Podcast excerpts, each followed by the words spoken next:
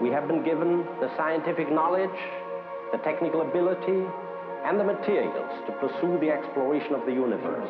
Vitenselskapet. Stedet der vitenskap møter underholdning. Ignition sequence start. Six, five, four, three, two, one. It's one small step for man. One giant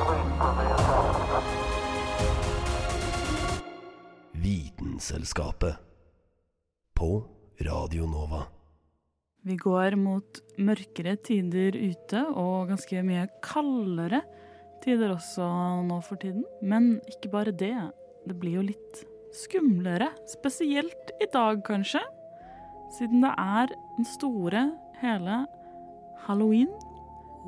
Oh. Eller alle helgens aften, men det er vel ikke samme dag, for så vidt. Det var vel søndag, eller er på søndag. Vi skal i hvert fall snakke om alle ting som kanskje kan skremme deg, eller kanskje burde skremme deg. Eh, fra spøkelser, hva som skjer når du dør, hvorfor du er redd for ting, og til og med zombier.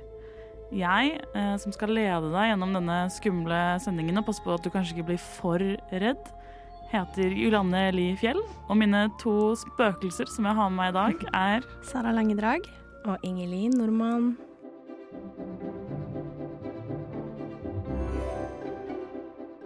Ja, du hører helt riktig. Du hører på Vitenselskapet på Radio Nova. Og Ingelin, vi skal jo starte litt med å snakke om noen redsler vi kan ha. Eller fobier, som det kalles. Mhm. Har du, hva har du funnet om det?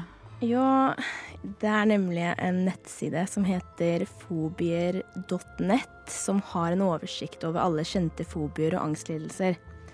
Og der står det ganske mange Noen man har hørt om før, men også noen man blir litt sånn Hm, det har jeg aldri hørt om, og det syns jeg er litt sånn uh, utenkelig.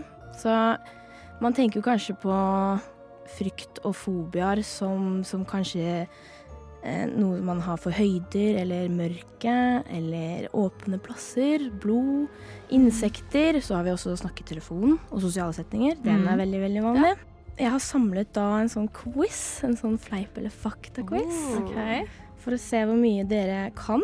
Oi, oi. Spennende. Og litt skummelt, Mm. som det skal være. Yes. Riktig. Vi starter eh, lett. Da sier jeg en statement, og så skal dere svare enten fleip eller fakta. Okay. Ok. Ok, vi starter nå. Man kan få en frykt for nesten alt. Altså, ja. Det er mange ting man ikke tenker at Oi, det kan ikke være noen å være redd for. Men det er jo absolutt mye man kan være redd for. Og Ja, man som kan du sa ha en personlig reaksjon på, på en måte, da. Eller Ja, eller som du sa, det er noen man tenker sånn Er dette tull? Men det er jo Ja. bare fordi den kanskje er bare veldig uvanlig. mm. Det helt riktig. Det er fakta. Man kan få en frykt for alt mellom himmel og jord. Vi går videre. Dette her er en statement, så vi får se om dere er enig. Mhm. Mens alle fobier er frykt, er ikke all frykt fobier. Oi. Ja, det er det vel. For fobi er vel egentlig ganske en sterk frykt, på en måte, da. Ja, for da, nå, nå går vi inn på liksom, hva er egentlig en fobi, Ja. fordi en fobi er jo en type frykt. Fobi betyr faktisk frykt, eller sykelig frykt. Ja, for det er vel når det plager deg. For det er, det er greit å være redd for et spøkelse i en film, men Ja. hvis du går rundt og er redd for spøkelser hele tiden, så blir det jo litt ekstremt. ja, ja, du kan gå rundt et hjørne her og bli skremt av en klovn liksom, som står der, men så er det egentlig ikke skummelt til vanlig, på en måte. Nei. At, eh, ja, Det passer faktisk Eller hva var det dere bestemte dere for? fakta. Ja. ja det er Vi er veldig enige her, da. Ja, vi Det er er litt kjedelig, men ja. Nei, det er helt riktig. Det er fakta, det. Så det passer veldig bra til det neste spørsmålet jeg har. Fordi her står det Frykt blir til en fobi når du ikke klarer å håndtere den og forsøker å unngå situasjonene som gjør at frykten oppstår. Det var en veldig fin forklaring. på Takk. Selv om jeg fant den et annet sted. Men, eh, så da er vi enige, da. Fakta. Ja. Ja. Det høres riktig ut. Det er fakta. Ok, Nummer fire. Man kan få en fobia for å ha en fobia. Oi. Altså, vi sa jo allerede at vi kan være redde for alt mellom himmel og jord, så det Hvis det er sant, så må jo dette være sant. Logis, logisk sett. Jo, men jeg tror det er sant, jeg òg. For du sånn Du kan bli engstelig for å få angst, eller sånn Du kan bli Ja. stressa for å bli stressa, ikke sant? Sånn Ja. Ja.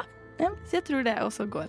Det er også riktig. Og, og den heter faktisk fobiafobia. OK. Det er ikke vanlig å ha tannlegefrykt. Det Jo, det er er det vel. veldig vanlig. Ja. Altså sånn, det er jo, altså Frykten tror jeg er veldig vanlig. Å ha fobi for så vidt også ganske vanlig. Men Mhm. uh, de fleste er vel i hvert fall litt engstelige for å gå til tannlegen. Ja. Og så er det noen som er veldig engstelige. Føler ikke at det er noen som er sånn supergira til å dra til tannlegen, liksom. Nei. Eller sånn, altså Ja, det er digg å få sjekka tennene dine, på en måte, men sånn Det er noe du gjør bare fordi du må, på en måte, og at det er viktig for helse. Så jeg tror at de fleste har en liten sånn Æsj, Ja. Nå er det tannlegen. Jeg tror også det, det er forskjell på æsj og frykt. Ja, ja, ja. Og, og så igjen på fobi. ja, Men eh, jeg vil fortsatt si at det er sant. Eller nei, du sa vel Vent. at det ikke Ikke er Det. Da blir det så fall fleip. Veldig refusjon. Jeg tok dere nesten. Det var nesten. Ja, det er sant. Det er feil. Det er faktisk veldig vanlig, og tannlegeskrekk anses som en av de mest undervurderte fobiene i Norge. Oi. Og at det er ekstremt mange som unngår å dra til tannlegen pga. frykt. OK, da går vi over til noe annet. Frykten for glede, gode nyheter og festligheter er en og samme fobi. Oi, det har alle tenkt altså, Vi sa jo at man kan være redd for alt, men det å være redd for sånne type ting, det Ja. er litt sånn sært. Men vent, sa du overraskelser og sånn nå da?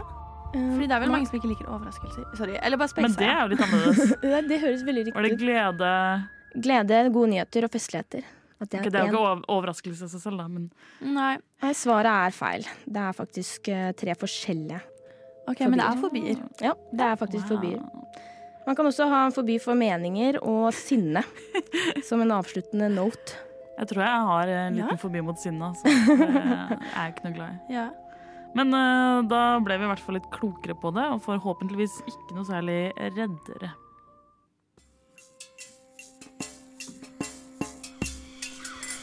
Du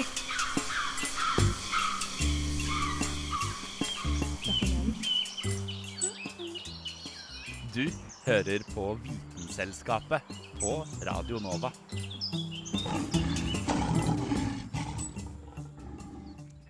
Har du noen gang opplevd et levende mareritt? Det kan du faktisk. Har du noen gang hatt et mareritt hvor du løper og løper, men uansett hva du gjør, så klarer du ikke å komme deg unna?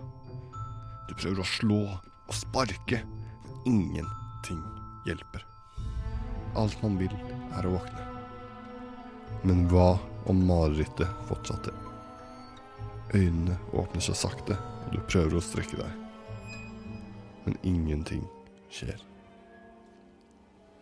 Er du fortsatt i drømmen? Nei. Der er jo rommet mitt.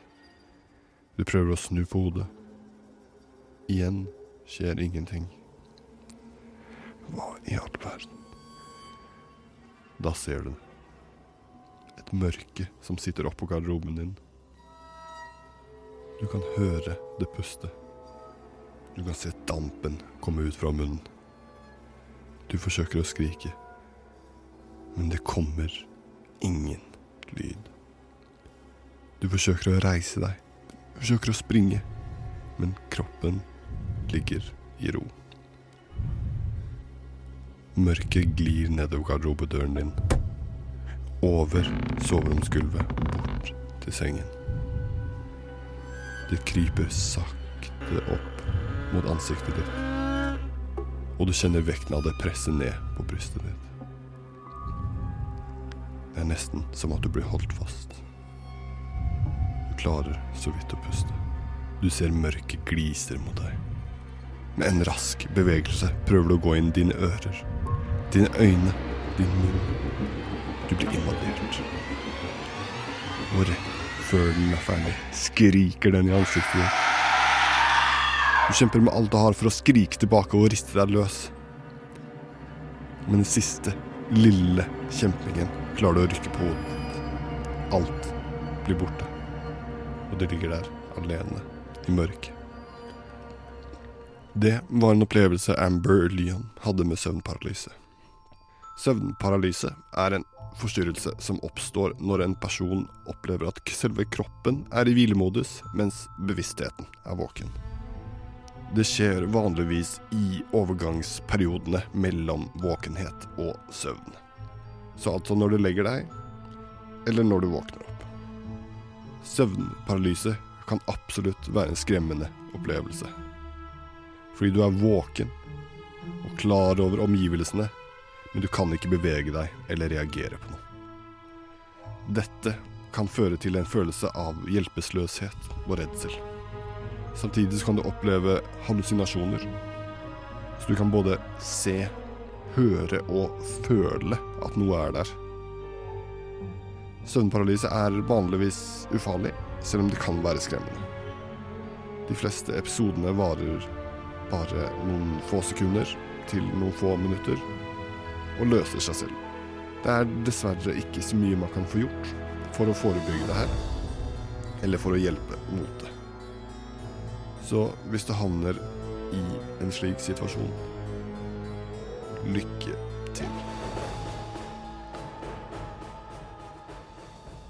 Vi håper ikke du eh, trenger å oppleve noe sånn.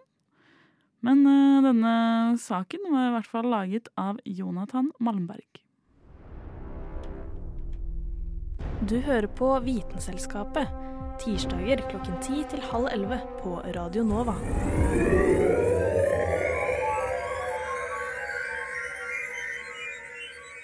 I en litt uh, lignende gren av noe som er uh, skummelt på kanskje en like uforklarlig måte, så eh, har du tenkt å fortelle oss litt om spøkelser, Sara. Jeg har bare tenkt å snakke litt eh, rundt det. Ja. Eh, fordi jeg leste først en sånn kul sak på forskning.no som handler om spøkelser. Og det står at en dansk antropolog anslår at hver femte danske har opplevd noe uforklarlig eller overnaturlig. Eh, når, jeg, ja, når jeg hadde friår, da, så jeg jobba jeg en periode på renhold på et sykehus. Og da hørte man mange historier rundt fra sykehuset om folk som hadde opplevd ting. Det føler jeg er veldig vanlig på sånn eldrehjem og sykehus-type ting. Um, og da, en av de historiene jeg hørte, da, som jeg syntes var litt sånn oi, var at uh, i kantinen på sykehuset så hang det en del portretter av en del folk på veggen der. Uh, og der var det jo tomt på natta, men under, i etasjen under så var det en vanlig pasientavdeling. Og det var flere pasienter i den avdelinga som hadde klagd på flere forskjellige dager og sånn, eh, at de hadde hørt masse bråk fra kantinen over på natta. At de hadde hørt litt sånn draing i stoler og sånn, sånn skikkelig sånn Ja. lyd. Um, og det ble gjort et forsøk på å ta ned bildene av de menneskene som hang der, noe som faktisk hadde hjulpet veldig Oi. på Oi. bråk om natta. Og det er liksom, du tenker litt sånn Oi, er det faktisk ekte, eller er det bare noe kødd Ja. som folk snakker om, på en måte? Er det litt eh, sånn uh, Hva vind som kommer inn, eller noe? Ja, men så er det sånne stoler som dras da, på en tom kantine på natta. Det er litt sånn, oi. Eh, I tillegg så vasket jeg selv flere morgener på en pediatrisk avdeling. Eh, og da hadde man ofte følelsen av å se noe i sidesynet, men hver gang du snur der, så er det jo ikke noe der. Ah, den er ekkel. Ja. Eh, og da må jeg si, jeg lurer noen ganger på om det er noe der. Eh, har dere selv vært i en situasjon hvor dere har opplevd at det er At du føler at det er noe der, men du vet ikke helt hva det er, eller hørt en sånn type historie?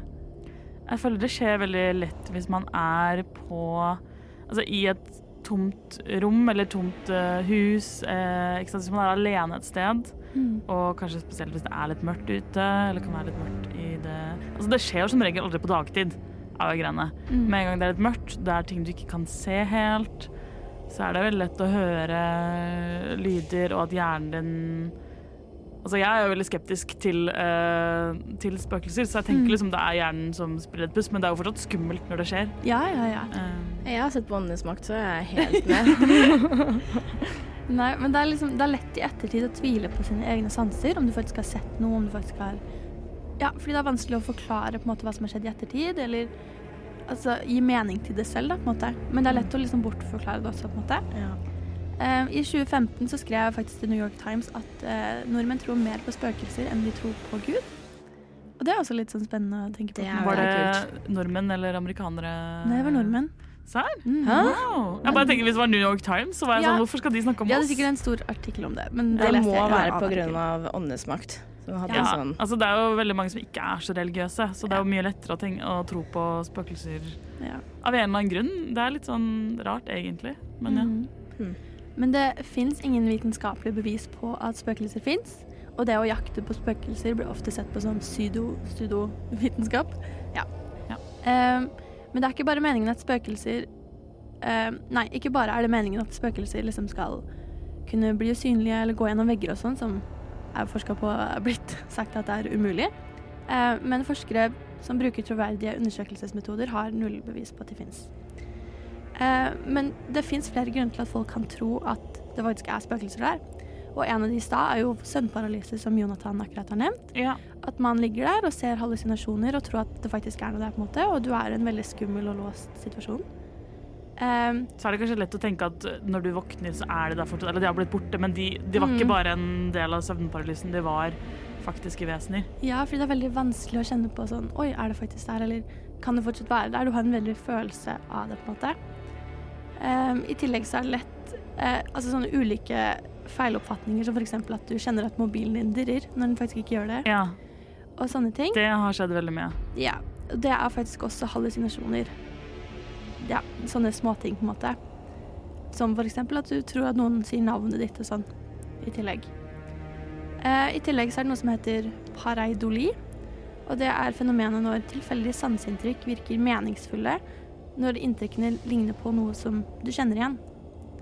Ja. Um, og det er fordi mennesker liker å finne mening og se sammenhenger i ting som i utgangspunktet ikke henger sammen, da. Yes, we do. Vi er veldig glad i å se mønstre. Det er derfor folk finner sånn chips som ser ut som uh, Jesus og mm. ja. Eller sånn hvis du bare ser et, et mønster i et sånt, en sånn trekopp eller et eller annet, ikke sant? Ja, så ser det ut som øyne og munn, så er det sånn oi. Men det blir jo i hvert fall skummelt. Sånn. Kjenner, jeg tror alle kan kjenne seg igjen med det å se ut et vindu, og så er det mørkt, og så ser du kanskje en grein, men så ser det ut som en arm, eller den type ja. ting. Ja, ja, ja, for hjernen er superkreativ. Uh, og i tillegg så er det noe som heter oppmerksomhetsblindhet. Uh, og det er at noen ganger så lager hjernen bilder. Det, altså enten at du ser på noe, og så legger den til ting, eller så fjerner den ting. Fordi du er veldig fokusert på noe. Og da kan du ofte føle at du har sett noe som faktisk ikke egentlig er der. Det er jo derfor liksom, vitner kanskje ikke alltid er så veldig politiske når man skal uh, mm. Når man skal ja, avhøre de, da. Mm. så kan det jo være ting man ja, har, du gjort, har du vært på museum hvor de lar deg gjøre sånne ting, eller bare sett på videoer hvor de spør spørsmål etterpå? Sånn, 'Hvor mange ganger eh, kastet de denne ballen?' eller noe. Ja. Og så var det sånn øh, 'Jeg aner ikke, fordi jeg har ikke Jeg fulgte på noe helt annet.' Det var sånn ting som distraherte deg rundt, ikke sant? så må du bare gjette tall. Mm. Fordi du sånn cirka antok det. Ja, det er det som er meninga. At det skal liksom lure deg litt til å være sånn 'Oi, jeg er kanskje ikke så flink til å følge med som jeg faktisk tror jeg er på alt'. Men det er veldig gøy å tenke på neste gang man tenker at det spøker. Eh, mm. Så skal man jo så klart få lov til å tenke det, men det, det, er litt gøy noen ganger å tenke litt kritisk på hva er liksom forklaringer som kan Det er vanskelig noen ganger å finne på noe som faktisk kan det, men noen ganger er det sånn Er det noe annet som kan forklare dette her? Mm. Vitenselskapet. Vitenselskapet på Radio Nova.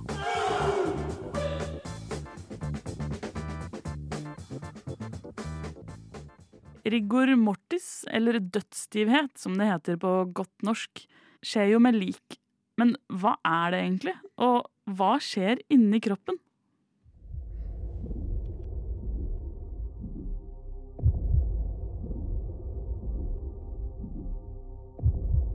Bortsett fra å slutte å puste, finnes det andre fysiske tegn på at man er død. Dødsstivhet er et eksempel på det. I det øyeblikket en person dør, vil alle musklene i kroppen slappe av.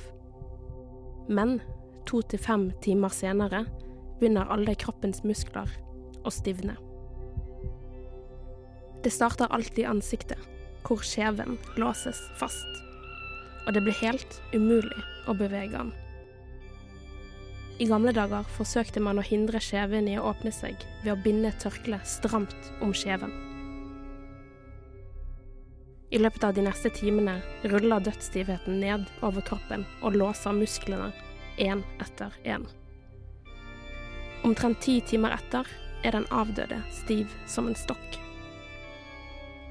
Dødsstivheten er så ekstrem at den avdøde vil bevare stillingen sin selv om vedkommende blir løftet opp. Det her høres mystisk og rart ut, og det gir på en måte ikke helt mening at man skal bli stiv.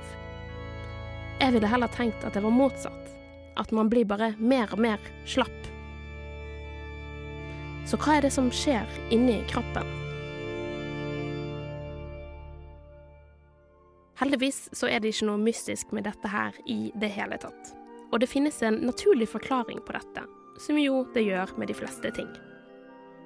Når døden inntreffer, slutter man å puste, og kroppens celler får ikke lenger oksygentilgang. Oksygen er jo på mange måter vårt brensel. Og denne komponenten må jo være til stede for at kroppen vår skal klare å lage nok energi. Eller nærmere bestemt et molekyl som heter ATP. Og noe som kanskje ikke gir helt mening, men dette energimolekylet er helt avgjørende for at musklene våre skal klare å slappe av. Inni musklene finnes det nemlig to typer proteiner. Aktin og myosin. Disse to kobler seg sammen og bygger en slags bro. Når dette skjer, så spenner muskelfiberen seg sammen og blir helt stiv. For at disse proteinene skal løsne seg fra hverandre, trenges det energi, eller dette ATP-molekylet. Og da blir muskelen helt slapp. Når man da dør, vil man ikke lenger klare å lage nok ATP. Og da vil disse to proteinene inni muskelen for alltids være koblet sammen og gjøre muskelen helt stiv. Dødsstivheten forsvinner etter hvert som nedbrytelsen settes inn. Og liket forsvinner sakte, men sikkert.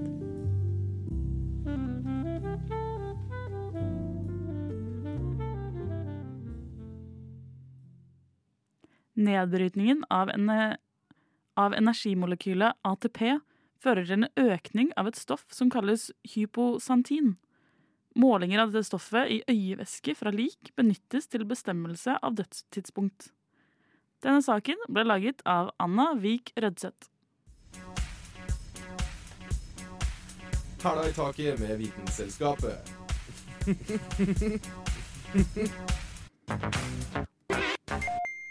Og vi avslutter eh, si sendingen, ikke helt ennå, men uh, siste vi skal snakke om, var noe jeg fant veldig spennende. Og det er uh, et tema som ofte kommer opp i skrekkfilmer og uh, bøker osv., nemlig zombier.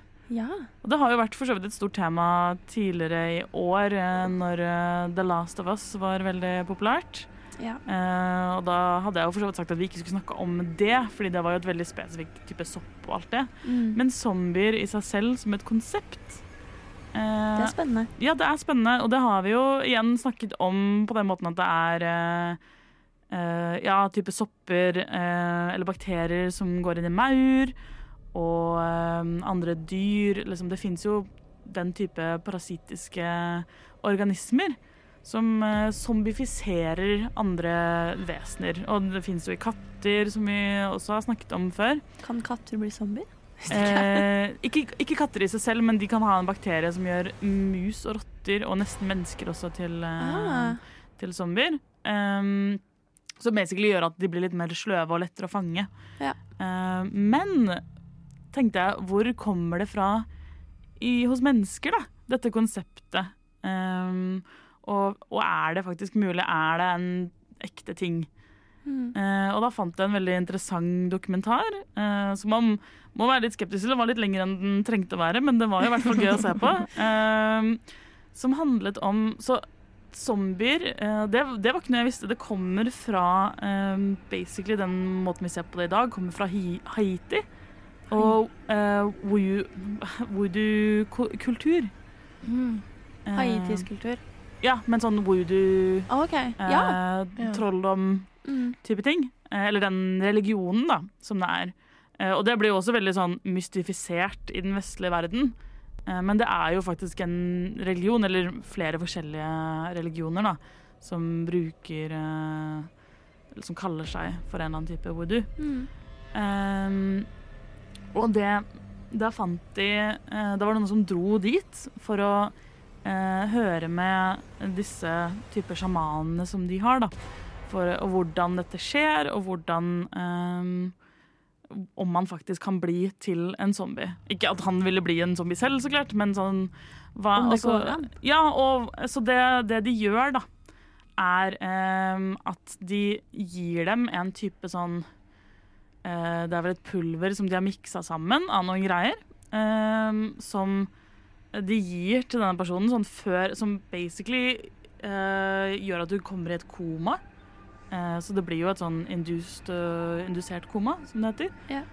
Og så begraver de denne personen. Fordi da stopper nesten hjertet, eller det liksom går veldig, veldig sakte. Og du blir litt sånn borte. Du blir jo litt sånn psykotisk, men veldig borte, da. Psykisk. Og så blir du begravd, og så etter jeg tror det er mm, åtte timer maks, så blir du begravd opp igjen, for ellers så dør du jo faktisk.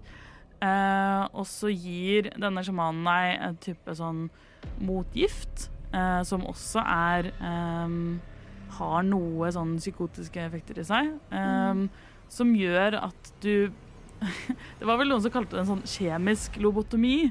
eh, fordi du blir litt sånn borte av dette her, da. Du blir jo ikke helt uh, deg selv. Det er jo det man tenker på en sånn zombie. Det er litt sånn hjernedøde. Mm. Uh, og bare følger uh, instrukser, type ting.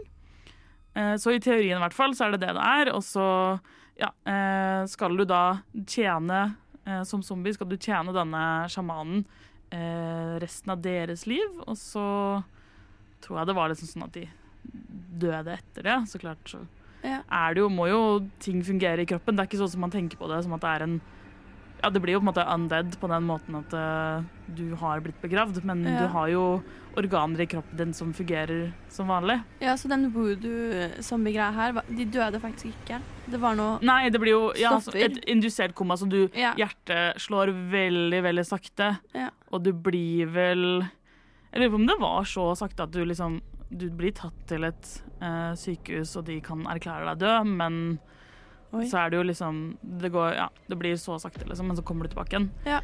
Um, så i denne dokumentaren i hvert fall, så eh, dro han dit, og det var jo veldig sånn Noe av det som er med eh, i hvert fall dette, den kulturen de har i Haiti, er at det er en så eh, sterkt eh, sterkt, eh, man, man tror på det så sterkt, da. Ja. At uh, man kan tenke seg at en del av grunnen til at det fungerer, er veldig psykologisk. At disse personene som uh, blir til zombier, tror veldig sterkt på det. Og disse personene som driver med det, tror jo også veldig sterkt på det. At det, mm. dette her skal skje. At det er så kulturelt for dem at det skal funke. Eh, og da blir det litt som å være hypnotisert, på en måte. Ja. Uh, og da kan du, som klart med, som med hypnose også, kan du komme ut av det igjen. Fordi noen av tingene som de bruker i disse midlene, er jo sånn uh, Hva heter det på norsk? Sånn pufferfish. Okay. Som kan være veldig sånn eh, psykotisk effekt. Mm. Eh, men så tok de med seg disse pulvene tilbake til laben og analyserte dem. Og det hadde ikke noe særlig sterke virkestoffer i noen av disse pulvene, som kan tilsi at det er veldig psykologisk. Så om det finnes zombier mm, I hvert fall uh, folk som har blitt uh, hypnotisert til å tro de er zombier, kan vi si. Ja.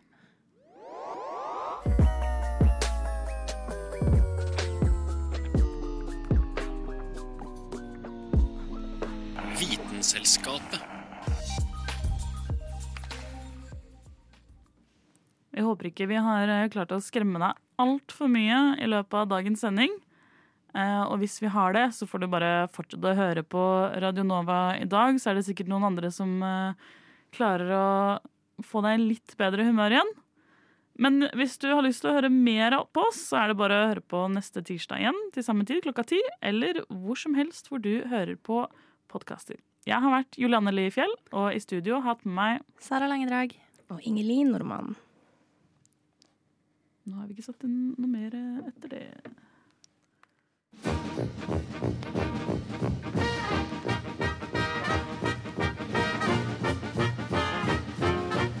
Og jeg har lidd av Ja, først har jeg operert for nyresten, gallesten og blindtarm i buken og svulst i underlivet. Så har jeg hatt tre ganger mavesår og en halvdød skjoldbruskkjertel og syv dårlige skiver i ryggen. Og så har jeg hatt hjerteinfarkt to ganger og angina pectoris én gang og sukkersyke. Og nå er jeg bra. Radio Nova. Hopper der andre hinker.